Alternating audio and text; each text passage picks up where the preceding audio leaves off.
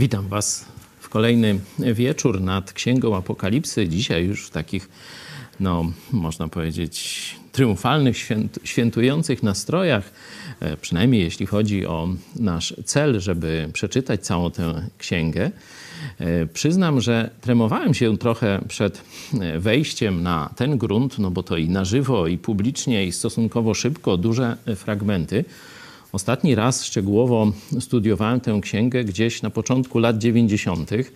E, tu wymieniliśmy zdanie z pastorem Kopciem, z żoną, czyli z pastorową Kopciową.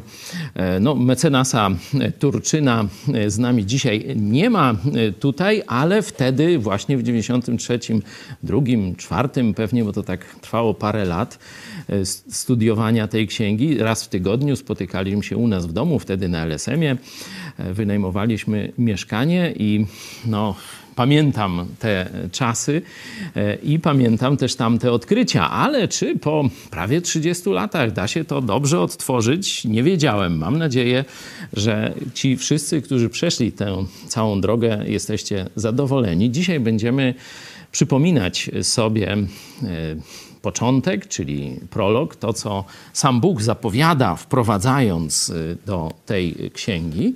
No i będziemy to weryfikować co dała Wam e, ta lektura, rozważanie tej księgi przez trzy miesiące. Wiele się przecież działo, niekiedy dramatycznych, niekiedy tragicznych rzeczy w naszym, w moim, w Waszym e, życiu. Mam nadzieję, że trwanie przy akurat tej księdze, tej porcji wiedzy, objawienia, żywego słowa, jakie mamy od Boga, było też Wam pomocą w przejściu dobrze przez ten czas trudny. I teraz jeszcze będzie to skutkowało na najbliższą przyszłość. Na początek poproszę, o akurat pastora Kopcia, żeby się pomodlił przed naszym czytaniem. Od razu przejdę do lektury prologu, a potem oddam Wam głos, jeśli chodzi o owoce tego studium czytania. Módlmy się. Dobry Boże, dziękujemy Ci za ten kolejny dzień, który nam dałeś. Dziękujemy Ci za to, że mogliśmy go przeżyć w Twojej łasce. Yy, chwała Ci Boże za ten wieczór, który teraz razem możemy spędzić, za Twoje słowo, za to wspólne czytanie yy, Apokalipsy i też proszę Cię, daj nam teraz dobre myśli, dobrą wymianę myśli, wymianę zdań. Yy, pomóż nam zaczerpnąć z tego, o czym będziemy rozmawiali, jak najwięcej mądrości i zastosowań do życia dla Ciebie. Prosimy Cię Boże o to. Amen. Tak sobie pomyślałem, że jeszcze chyba redaktor Fałek to też z nami był, ale jeszcze bez żony, nie? Czy nie?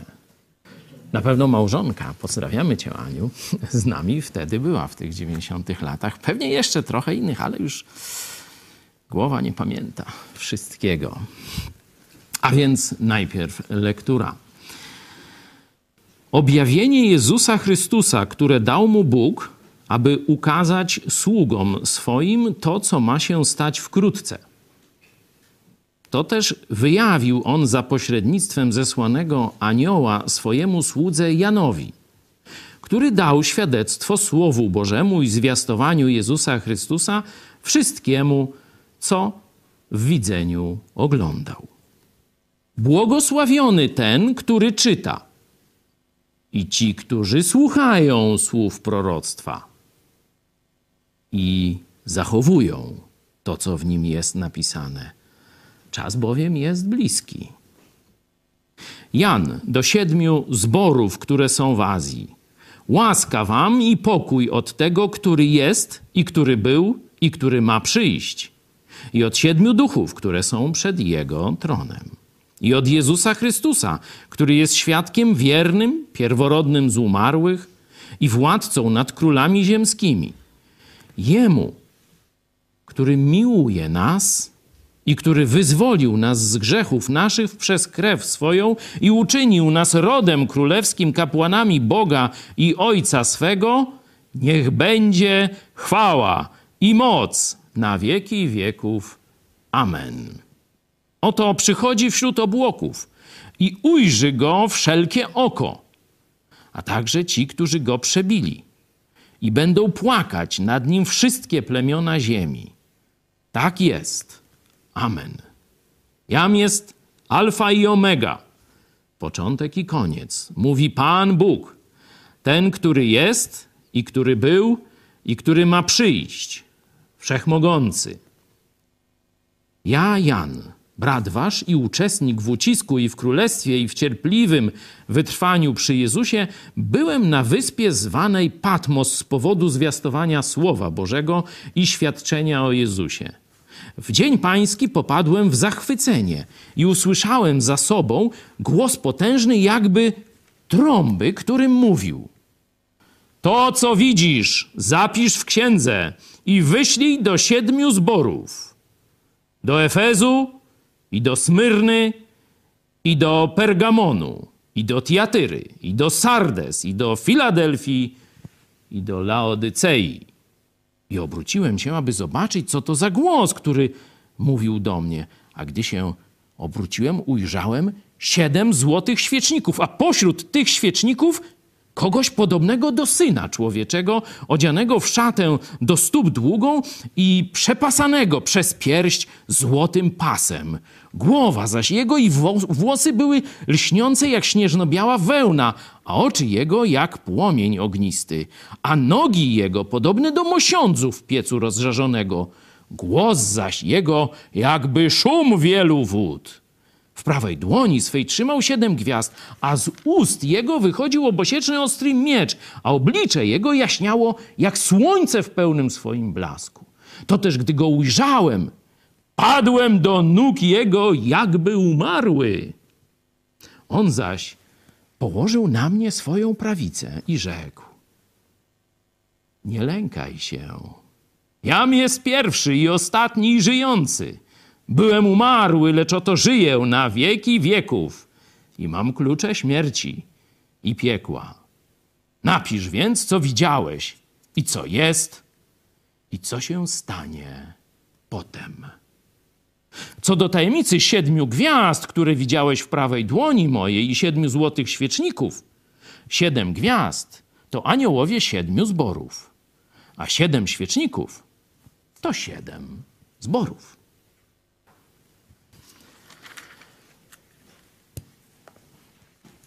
No, najważniejsza, taka może różnicująca od wszystkich innych ksiąg Nowego Testamentu e, sprawa to jest objawienie. To jest objawienie, to jest przedstawienie przyszłości. Oczywiście już w Ewangeliach Jezus mówił od czasu do czasu o przyszłości. Pamiętamy te pytania o koniec świata, o przyjście Jezusa, co będzie ze świątynią. O to wszystko już apostołowie go pytali i on im odpowiadał. Ale skrótowo i nie tłumaczył tego, jak to się rozegra w czasie. Tu z kolei mamy objawienie, można powiedzieć, punkt po punkcie. Pamiętacie jedno z kluczowych słów tej księgi? Potem. Potem. Czyli mamy chronologię. Najpierw jedno, potem drugie, potem następne i tak dalej, i tak dalej. Także pierwszy, pierwsze pytanie, na które za chwilę będę chciał, żebyśmy odpowiadali, to ten, e, można powiedzieć, ładunek poznawczy. Co? To, czego dowiedzieliście się, dowiedzieliśmy się o przyszłości, o tym, co ma się stać wkrótce. Szczególnie dotknęło i zmieniło wasze życie teraz, bo zmiana, czyli zastosowanie tego, co czytamy, jest głównym celem czytania Biblii. Nie czytamy ją tylko po to, żeby się czegoś dowiedzieć i e, szczególnie tam napuszyć się czy wywyższać się w, w odniesieniu do innych osób. Czytamy, żeby lepiej poznać Boga, żeby lepiej poznać Jego wolę, żeby lepiej poznać to, co powinniśmy zmienić, co w nas jeszcze jest niedoskonałe, co nie podoba się Bogu. To jest zastosowanie czyli można powiedzieć korona podejścia do Biblii. Nie? Najpierw obserwacja, co tam rzeczywiście jest, żeby nie pochopnie jakieś swoje treści wsadzać do Biblii, tylko spokojnie to jest, a tego nie ma, zobaczyć jakie są powiązania pomiędzy zdaniami, szczególnie kiedy są to zdania złożone pomiędzy różnymi częściami mowy w zdaniu i tak dalej. Dość żmudna praca. Potem interpretacja. No ciekawe, bo tam sobie zadajemy pytania i szukamy odpowiedzi. Co to znaczy? Czy gdzieś może coś wiemy szerzej w innym miejscu? Czy mamy jakąś podpowiedź mm, w kontekście bliższym, dalszym i tak dalej? O co chodzi autorowi? Co chciał nam przekazać? No a potem to właśnie ta korona, zwieńczenie tego procesu. Co ty i ja z tym zrobimy? Zastosowanie. Dlatego nie chodzi tylko, żeby się dowiedzieć czegoś tam o plagach, o rządzie światowym, o religii światowej, tysiącletnim królestwie i tak dalej i się tym puszyć. Co ta wiedza zmienia, zmieniła w Twoim życiu? O to chciałbym Was za chwilę zapytać. Czyli pierwsza rzecz to jest księga, która jest poświęcona przyszłości praktycznie. Oczywiście ma tę część, ten komponent skierowany do teraźniejszości, do czasu łaski, jak wczoraj mówiłem, do czasu Kościoła. Pierwsze trzy rozdziały szczególnie i później jeszcze końcówka oraz wtrącenia w trakcie, o których mówiłem czytając tę księgę. Są tam przesłania do kościołów, ale główna część, główny cel to jest objawienie przyszłości, co ma się stać potem, co ma się stać wkrótce. Co ta wiedza zmieniła w Twoim życiu? Mieliśmy tutaj też od Jezusa takie jasne no, stwierdzenie, trzeci werset. Zobaczcie, błogosławiony ten, który czyta i ci, którzy słuchają słów proroctwa i zachowują to, co w nim jest napisane. Czas bowiem jest bliski. Chciałbym, żebyście też ten aspekt pokazali. Co na dobre zmieniło się w waszym życiu, bo e, powiedzenie błogosławieni, czyli powinniśmy doświadczyć jakiegoś wzmocnienia, jakiejś korzyści w wyniku lektury i wgłębiania się i zastosowania tej księgi. I w piątym e, wersecie, od piątego wersetu, no, jest pokazana rola Jezusa Chrystusa, co On już dla nas zrobił, kim jesteśmy, jeśli już zawołaliśmy Jezus, baw mnie.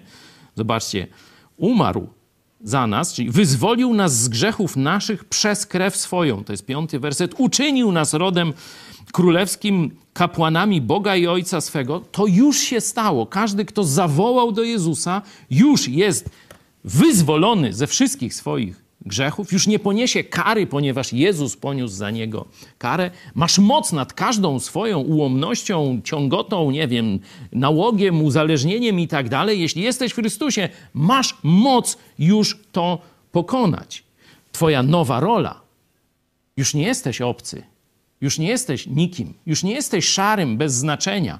Zobaczcie, jesteś rodem, należysz do rodu królewskiego, jesteś kapłanem Boga. Masz teraz misję i znaczenie. Ale nie na to chciałem zwrócić uwagę, tylko na to, co jest w aspekcie teraźniejszym tu przedstawione w piątym wersecie. Jezus, który kocha nas teraz. Jak tego doświadczyłeś w ostatnich trzech miesiącach? Gdzie widziałeś, że Jezus aktywnie robi coś dla Twojego dobra? To też będzie bardzo ważny aspekt Waszego świadectwa. Mam nadzieję, że też dowiedzieliście się trochę o interpretacji Biblii. Tu szczególnie ta końcówka, kiedy sam Jezus pokazuje, mówię w symbolach, a potem te symbole tłumaczę. To sam Bóg tłumaczy te symbole. Często ludzie, widząc rzecz niejasną albo symboliczną, od razu nadają swoje znaczenie, czy to przypowieści, czy jakiemuś symbolowi. Nie.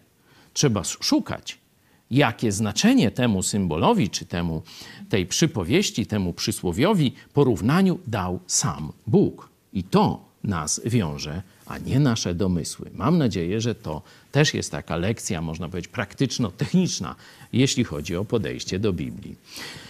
No a teraz proszę Was o świadectwa, jak lektura tej księgi, jak ten czas, który razem przeżyliśmy, wpłynął na Was, szczególnie to, co dowiedzieliście się o przyszłości, jaką Bóg zaplanował dla świata, jak to ma wyglądać, jaki ma być tego koniec, jak doświadczaliście też Bożej miłości, szczególnie opieki naszego Pana i Zbawiciela Jezusa Chrystusa i jakie konkretne zmiany w życiu wprowadziliście. Teraz Wasz głos, Wasza kolej. Oczywiście przypomnę, można pisać do nas na czacie, na maila kontakt małpa megakościół.pl. Część z nas z projektu Megakościół jest podłączona do mediów społecznościowych. Możecie zabierać głos. Tu też są dwa mikrofony, także kto z tu obecnych chciałby e, powiedzieć e, coś związanego z tymi rzeczami, o których mówiłem, to zapraszam. Marta, najważniejsze z Apokalipsy jest to, że Jezus przyjdzie. Amen. Tak, nie jesteśmy skazani na ani niewiadomą, ani na życie bez końca w złym świecie. Będziemy jeszcze jakiś czas tu tę misję bycia reprezentantami Boga, królewskie kapłaństwo, kapłani Boga, będziemy ją realizować. Będziemy głosić Ewangelię, będziemy świadczyć, będziemy pokazywać swoim życiem, będziemy nauczać innych tego, co Bóg nam objawił w swoim słowie, ale ten czas się skończy. Dlatego koniec, wiecie, Apokalipsy to jest modlitwa Kościoła. Przyjdź, Panie Jezu. Dzięki. Jeszcze Casa Pueblo. Dla mnie największą radością i nadzieją ze studiowania Apokalipsy jest wizja przyszłego świata i perspektywa bycia z Bogiem i wiecznego życia z Nim. Brak strachu przed tym, co będzie. O tak. Jako jednym, jedno z takich przekleństw czy ciężarów życia bez Boga to jest strach przed śmiercią. Biblia o tym mówi, no i każdy takie, takie doświadczenie gdzieś tam pewnie w życiu miał albo jeszcze ma. Strach przed śmiercią, strach przed umieraniem, ale nie tylko. Strach przed tym, co się stanie, kiedy ostatni raz wezmę oddech tu na ziemi, a potem mnie nie będzie. Jeśli zawołasz do Jezusa Chrystusa, będziesz wiedział. Będziesz wiedział, że masz życie wieczne.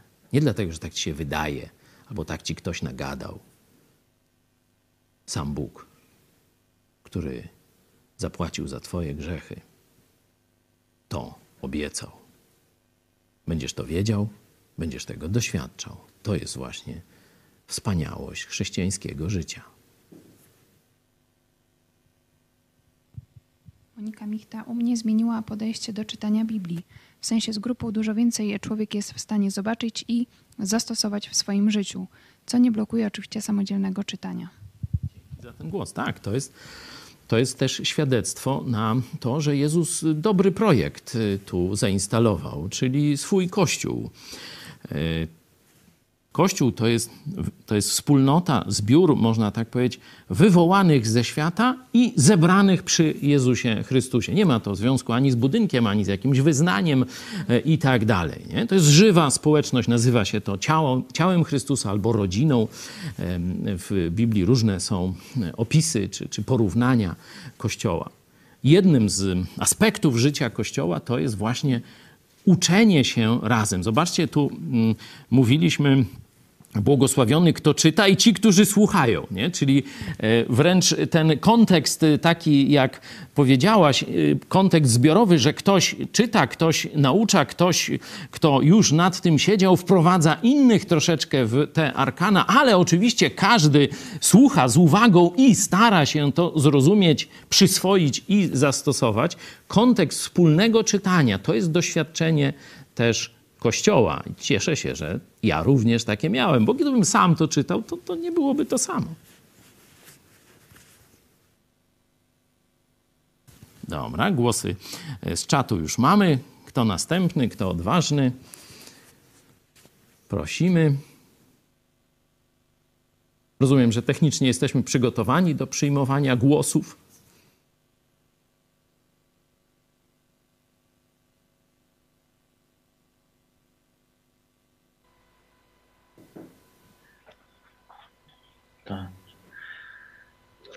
Ja e, z tego czytania to myślę przede wszystkim wyniosłem coś takiego, takie, taką myśl, że Apokalipsa ukazuje Jezusa potężnego i kiedy się go widzi, to nie jest żadną sztuką e, mu służyć, ale my teraz tego nie widzimy, no i jest sztuką tak żyć, jakby, jakby się już tę potęgę widziało. Amen. Dzięki Piotrze za, za tę no, piękną e, pomoc, jeśli chodzi o codzienne życie. Nie?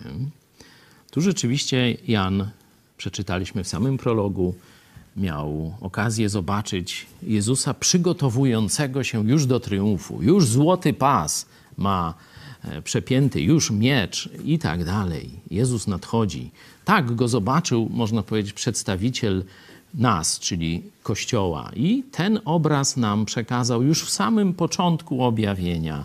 Warto, żebyśmy go przechowywali w głowie. Ja dlatego tak walczę e, z tymi takimi troszeczkę infantylnymi e, obrazkami, czy, czy wiecie, tymi żłóbkami, jezusikami i tak dalej, bo to całkowicie zmienia perspektywę człowieka. Nic dziwnego, że większość katolików modli się do Matki Boskiej, bo to jakaś poważna kobieta, no i y, coś tam no, może pomóc. No a tu dzieciątko, no to tylko opieki potrzebuje. Rozumiecie? Jeśli taki obraz mamy w głowie, to nic dziwnego, że takie są później owoce, kiedy byśmy widzieli Jezusa w chwale jako króla królów, pana panów, który przygotowuje się do tego triumfalnego objęcia władzy, pokonania swych wrogów, to gdzie by nam przychodziło zwracać się do kogoś innego z prośbą, niż bezpośrednio do Niego samego? To są owoce właśnie fałszywego obrazu Boga. Dzięki.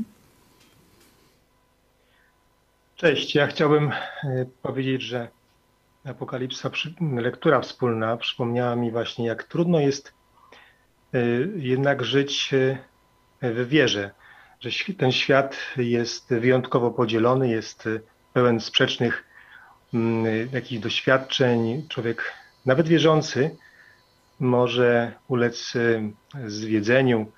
I jakoś szczególnie przeżywałem, jak tę wizję Jezusa, kiedy się pojawia na scenie, okazuje się takim, taką osobą, która porządkuje wszystko. Zbiera, można powiedzieć, owczarnie w jedno miejsce, dzieli, już nie ma takiego podziału, że on jest może dobry, może zły. Widać, widać te, te tłumy ludzi, czy też różnych innych tych stworzeń, bo tam też są i, w końcu i aniołowie, i, i demony, i, i to jest podział jasny. I tak Mm, tak widzę, że po pierwsze, jako chrześcijanin czuję się taki bezpieczny i spokojny, kiedy wiem, że Jezus działa, jak przechadza się po tych zborach, mm, y, siedmiu kościołach w pierwszych rozdziałach mm, Apokalipsy, tak też y, to robi dzisiaj i czuję się zaopiekowany, ale też w jakiś sposób, no może to tak zabrzmi, ale dumny, czuję się dumny, że, że mogę służyć y, takiemu Bogu, że On jest Mm, on zna historię, on jest y, alfą i omegą i on mm, wszystko wyprostuje. To tak jak, jak patrzę na to zamieszanie wokół, w każdym aspekcie y, dzisiejszego świata, to, to, to tak mi się to, tak uspokajam się, kiedy czytam Apokalipsę i myślę, że na koniec, że właśnie dla wierzących Apokalipsa jest księgą, która powinna nas uspokajać. E, natomiast dla niewierzących jest księgą, która powinna przywodzić e, raczej nieprzyjemne e, wrażenia. To ja tyle. Dzięki. Tu jest ten aspekt, Paweł, poruszyłeś aspekt świadectwa i ewangelizacji tej księgi, nie? że ona przedstawia przyszłość. I ta przyszłość rzeczywiście jest taka, powiedzmy, czarno-biała, w te albo we w te, z Jezusem albo przeciw niemu. Tu już nie ma, można powiedzieć, niedomówień. Tu jest sąd pokazany, tu pokazane są te próby buntu, próby radzenia sobie ludzi, rządu światowego, światowej religii i wszystko pokazane jest, czym się kończy. Nie? Tu człowiek nie ma już złudzeń, że gdzieś może jakoś jemu się uda przemknąć jakiś czyściec boczkiem, tutaj mm, gdzieś przez ogródek i tak dalej. Tu jest jasno, jesteś z Jezusem należysz do Niego, masz Jego znamie, albo należysz do świata ciemności i skończysz w jeziorze ognia i tak dalej, i tak dalej. Także aspekt aspekt ewangelizacyjny, aspekt świadectwa i można powiedzieć wybudzenia z letargu ludzi, którzy albo nie traktują Boga poważnie, albo go zapomnieli. To jest myślę, że ważne. Dlatego też, o, dzisiaj poproszę, jeśli możemy naszą animację, Apokalipsa to nie fikcja. Myślę, że dobrze, że tak powiem, się skomponuje e, na zakończenie naszego, naszego wspólnego e, czytania. Ja jeszcze od siebie dodam, że warto pamiętać, że ta księga ma budowę klamrową. Nie? Z jednej strony prolog i epilog, nie? tak dość prosto, że zaczyna się od kościoła i kończy się na kościele, ale zobaczcie, jaka prawda jest na samym początku, jako pierwsze, można powiedzieć, zdanie apostolskie tutaj i jaka jest na końcu. Czwarty werset, bo pierwsze wersety, no to jest jak gdyby takie wprowadzenie, a Jan mówi w czwartym wersecie i zobaczcie, co on mówi. Łaska wam i pokój od tego, który jest i który był i tak dalej. Łaska wam i pokój. A zobaczcie, na koniec 21 werset 22 e, rozdziału. Łaska Pana Jezusa niech będzie z wszystkimi. Amen. Łaska. Jest Kościół, jest łaska, dlatego mówimy czas Kościoła, czas łaski. Że możesz za darmo Dzięki temu, że Jezus za ciebie zapłacił, a teraz stoi kołacze do twojego życia, możesz uniknąć wszystkich wiecznych konsekwencji swojego grzechu. Możesz uzyskać zmianę w swoim życiu tu. Masz obiecane mieszkanie w niebie i nowe ciało, takie jak Chrystus po zmartwychwstaniu. Jeśli sam dobrowolnie zrezygnujesz z tego, machniesz na to ręką, a stukaj sobie, Jezu, ile chcesz, ja i tu, tam już swoją odpowiedź sam wstaw. Nie dziw się temu, gdzie się później znajdziesz. To będzie sprawiedliwe. To jest Twój wybór. Czy jeszcze ktoś?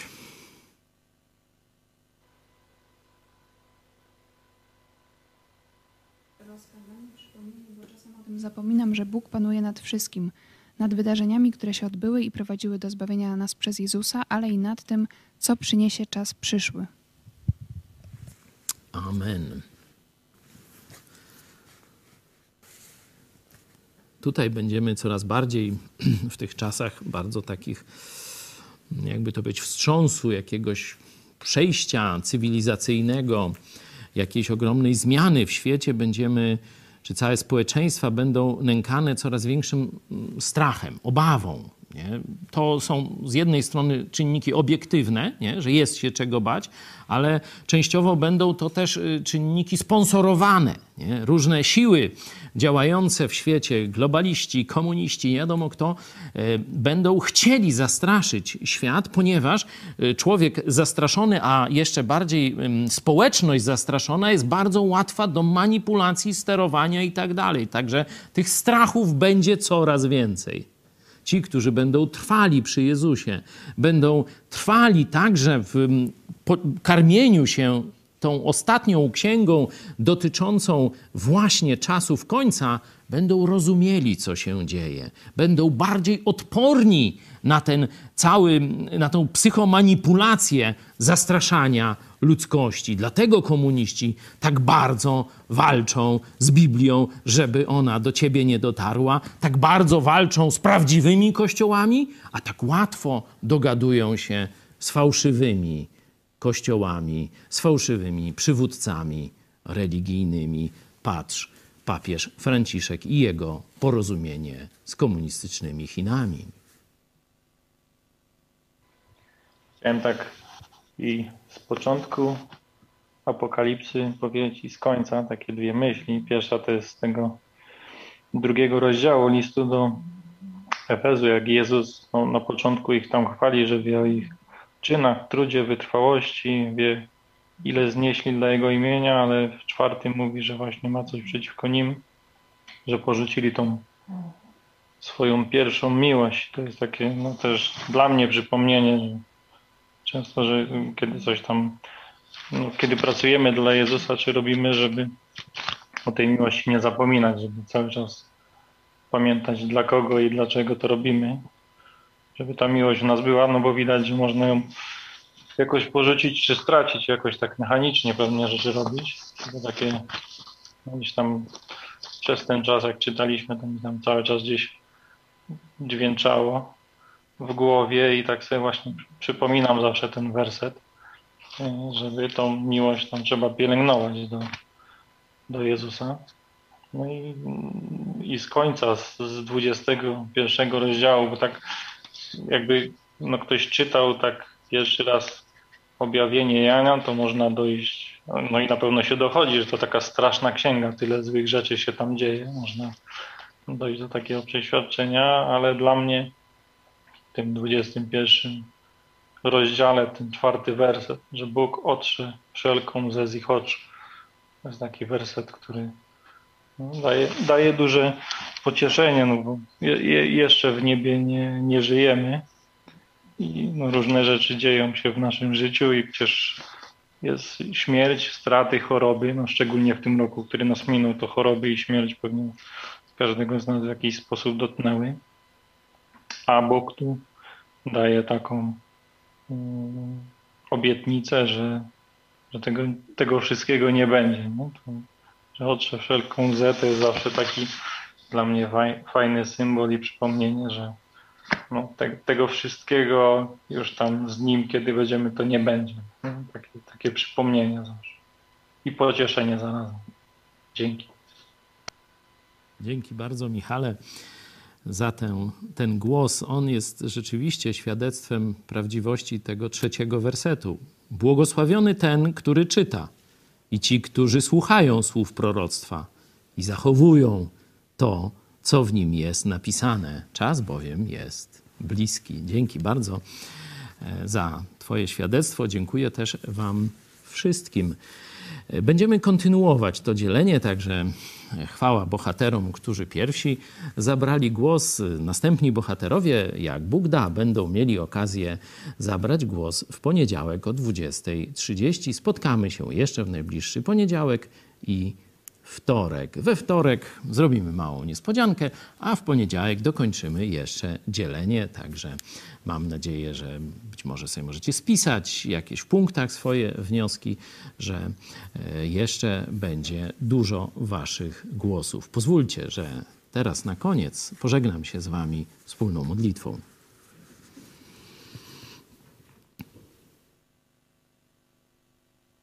Kochany Ojcze, dziękujemy Ci, że ty dbasz o nas na każdym kroku i ze wszystkich możliwych kierunków. Wszystko, co jest nam potrzebne, nam dajesz. Dbasz i o nasze wieczne bezpieczeństwo i o każdy nasz dzień codzienny. Dziękujemy Ci, że dajesz nam i chleba powszedniego pod dostatkiem i dajesz nam wspaniałą okazję do służenia Tobie Dziękujemy Ci, że bycie Twoim niewolnikiem jest słodkie, jest najlepszym wyborem, jest najwspanialszą przygodą, jaką mogliśmy sobie wymarzyć w życiu. Prosimy Cię, by ta perspektywa Jezusa, który jest blisko, który jest wielkim Panem historii, a jednocześnie naszym najlepszym, delikatnym, troskliwym pasterzem, towarzyszyła nam każdego dnia. Byśmy otwierali oczy, dziękowali Ci i ruszali do pracy dla Ciebie, by potem razem ze wszystkimi świętymi chwalić Cię bez końca w niebie. Amen. Do zobaczenia.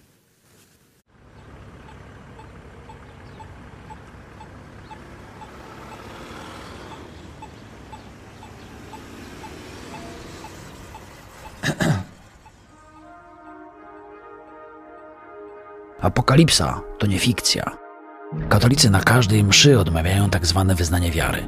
Trzeciego dnia zmartwychwstał, wstąpił na niebiosa, siedzi po prawicy Boga Ojca Wszechmogącego. Stamtąd przyjdzie sądzić żywych i umarłych.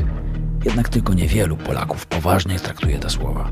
Jak to więc możliwe, że ludzie, którzy co tydzień mówią o powrocie Jezusa i związanym z tym końcu świata, na co dzień żyją tak, jakby o tym nie słyszeli? Podstawowym tego powodem jest ignorancja. Polacy są biblijnymi analfabetami. Zresztą sprawdź siebie, kiedy ostatnio poświęciłeś czas na samodzielne czytanie Biblii. To z badań procesów, które są w toku, wyszła wizja, którą w przenośni, a być może niestety dosłownie trzeba nazwać apokaliptyczną. Apokalipsa pojawiła się nam na horyzoncie rozważań w wyniku złożonej ścieżki dociekań. Apokalipsa to nie żart. Apostoł Piotr powiedział, że w przyszłości ludzie będą wyśmiewać perspektywę końca świata i powtórnego przyjścia Jezusa na ziemię. To przede wszystkim wiecie, że przyjdą w ostatnich dniach szydercy pełni szyderstwa, którzy będą postępowali według własnych rządz i będą mówili, gdzie jest obietnica Jego przyjścia. Drugi list Piotra, rozdział 3, wersety 3 i 4. Albowiem jak w czasie przed potopem jedli i pili, żenili się i za mąż wydawali, aż do dnia, kiedy Noe wszedł do arki i nie spostrzegli się, aż przyszedł potop i pochłonął wszystkich, tak również będzie z przyjściem Syna Człowieczego. Czy znamy datę końca świata? Jezus bardzo jasno zapowiadał swoje ponowne przyjście na ziemię i koniec świata. Na przykład. A oto ja jestem z wami przez wszystkie dni, aż do skończenia świata. Ewangelia Mateusza, rozdział 28, werset 20. Zaiste przyjdę niebawem. Amen. Przyjdź, Panie Jezu. Apokalipsa, rozdział 22, werset 20. Choć Jezus nie podał konkretnej daty swojego powrotu, to był świadomy, że jego uczniowie będą umieli rozpoznać bliskość tego wydarzenia. Tym bardziej im lepiej widzicie, że się ten dzień przybliża. List do Hebrajczyków, rozdział 10, werset 25. Jak rozpoznać znaki zbliżania się apokalipsy? Apostoł Paweł w pierwszym liście do Tesaloniczan przedstawia bardzo ciekawy znak bezpośredniej bliskości powrotu Jezusa i rozpoczęcia czasu apokalipsy, czyli wylania gniewu Bożego na odrzucającą Boga ludzkość. Kiedy bowiem będą mówić pokój i bezpieczeństwo, tak niespodzianie przyjdzie na nich zagłada, jak bóle na brzemienną i nie ujdą. W przestrzeni medialnej coraz częściej słyszymy tego typu informacje. Komisja chce m.in. wzmocnić swoją współpracę z Chinami w celu zrealizowania wspólnych zobowiązań dotyczących trzech filarów ONZ: praw człowieka, pokoju i bezpieczeństwa oraz rozwoju. Kiedy ja czytam to, gdy mówić będą, odczytuję to, że na świecie zostanie ogłoszony jakiś dokument, porozumienie, jakiś apel, coś, co w jakiś sposób będzie dotyczyło całego świata i świat wyrazi aplauz jakiś do tego. Analogiczna sytuacja zdarzyła się już w czasach starożytnych, gdy budowano wieżę Babel. Wtedy też ludzie uwierzyli, że bez Boga, zjednoczeni we wspólnym wysiłku, zbudują nowy, wspaniały świat. Bóg wtedy zaingerował i pomieszał ich języki. Współczesna lewicowa elita bez żadnych oporów odwołuje się do tego antybożego planu. Dowodem niech będzie architektura Parlamentu Europejskiego wzorowana na wieży Babel. Biblia zapowiada koniec świata.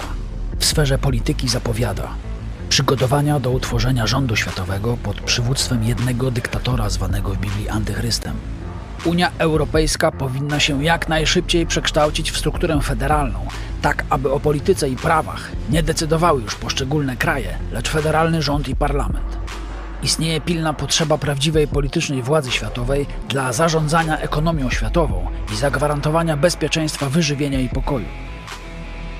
Likwidację państw narodowych i próbę podziału świata na bloki polityczne w rodzaju Unii Europejskiej. Powstanie świeckiego państwa Izrael oraz zawarcie z nim międzynarodowej umowy pokojowej obejmującej budowę nowej świątyni żydowskiej w Jerozolimie. Część tej świątyni będzie przeznaczona dla innych religii. Biblia zapowiada powstanie jednej światowej religii z siedzibą w Rzymie. Zjednoczenie wszystkich religii realizowane jest na naszych oczach przez papieża Franciszka. My też dzisiaj, w imię Boga, aby zachować pokój, potrzebujemy wejść razem jako jedna rodzina do arki, która mogłaby popłynąć po wzburzonym morzu świata, arki braterstwa. W sferze gospodarki Biblia zapowiada przeniesienie centrum gospodarki światowej z obszaru atlantyckiego na Bliski Wschód w okolice starożytnego Babilonu, dzisiejszy Irak. Całkowitą kontrolę wymiany gospodarczej za pomocą zaczipowania całej ludzkości. Przykład tej tendencji widzimy już w Polsce. Oto nowy edowód osobisty z chipem na czole. Odnośnie społeczeństwa Biblia zapowiada niespotykany w historii upadek moralny całej ludzkości, cechujący się przede wszystkim dewiacjami seksualnymi i buntem dzieci wobec rodziców. Powszechną głupotę i odwrócenie się od prawdy, pogardę dla życia ludzkiego i handel organami.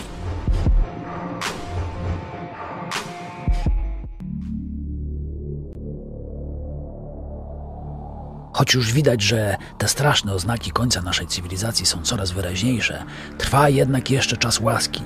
Co to oznacza? Dwa tysiące lat temu Jezus Chrystus zapłacił na krzyżu karę za wszystkie Twoje grzechy. Zmartwychwstał i dzisiaj puka do Twojego serca. Chce, byś go osobiście przyjął. Jezus chce Cię uratować od wiecznego piekła, do którego zmierzasz z powodu swoich grzechów. Jeśli więc chcesz pójść do nieba, musisz zgodzić się z Bogiem, że jesteś grzeszny jedyne na co zasługujesz to wieczne potępienie w piekle. Odrzucić wszelkie fałszywe drogi zbawienia, którymi dotychczas podążałeś, na przykład próbę zasłużenia na zbawienie przez bycie dobrym człowiekiem czy chodzenie do kościoła.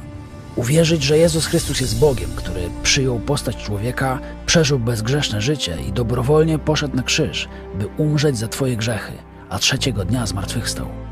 Osobiście poprosić Jezusa, by przebaczył Ci wszystkie grzechy i dał Ci życie wieczne. Możesz poprosić Go o to w każdej chwili, na przykład tak. Boże, wiem, że grzeszyłem przeciwko Tobie i zasługuję na Twój gniew. Uznaję, że Jezus wziął na siebie karę, na którą sam zasłużyłem. Nie chcę już dłużej żyć w grzechu i wołam do Ciebie, Panie Jezu, byś mnie zbawił. Obmył swoją krwią i na zawsze zamieszkał w moim życiu. Dzięki Ci za Twoją cudowną łaskę, przebaczenie oraz dar życia wiecznego. Chcę być Twój na zawsze. Amen. Bóg traktuje Cię bardzo poważnie. Dał Ci wolną wolę. Możesz wybrać trwanie w buncie wobec Niego i ponieść tego konsekwencje w piekle. Jeśli przyjdzie Ci żyć w pokoleniu czasów ostatecznych, zasmakujesz dodatkowo rządów diabła. A będzie to dużo ostrzejsza jazda niż w filmie Czas Apokalipsy. Możesz też już dziś odebrać od Jezusa przygotowaną specjalnie dla Ciebie miejscówkę, bilet do nieba. I bez strachu obserwować coraz straszniejszą rzeczywistość społeczno-polityczną na Ziemi. Skontaktuj się z najbliższym kościołem biblijnych chrześcijan.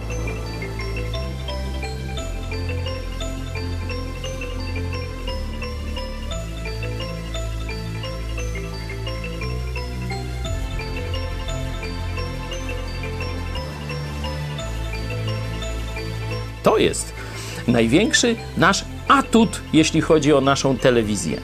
Że my znamy przyszłość. Nie na podstawie tylko analizy wydarzeń. My znamy przyszłość, ponieważ Bóg już ją objawił w swoim słowie.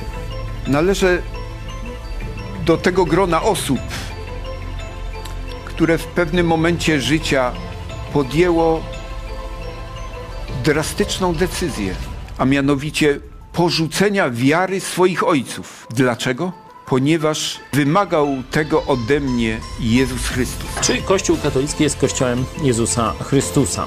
Czy Kościół, w którym papieże, wszyscy biskupi praktycznie, masa księży i wierni biorą udział w krzywdzeniu niewinnych dzieci, może być nazwany Kościołem Chrystusa? Chcę zachęcić.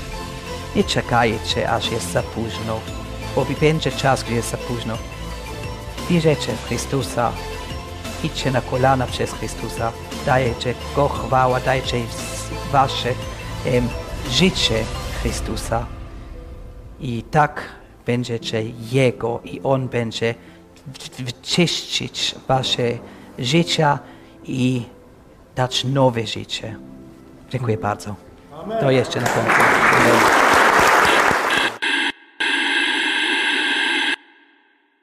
Oglądaj telewizję Idź Pod Prąd. Codziennie na żywo o 13. Nowe informacje o zbliżającej się apokalipsie. Uwaga! Jeśli ta ulotka wpadła Ci w ręce po masowym zniknięciu chrześcijan na całym świecie, wiedz, że znalazłeś się w czasie apokalipsy. Skończył się czas łaski, czyli darmowego zbawienia przez szczere zawołanie do Jezusa. Masz jednak jeszcze szansę. Będzie trudno. Będziesz cierpiał, ale jest nadal ratunek w Jezusie. Poproś go o zbawienie. Koniecznie przeczytaj Apokalipsę, ostatnią księgę Biblii i pod żadnym pozorem nie przyjmuj znamienia, chipa, na czoło lub na rękę, bo to oznacza wieczną śmierć.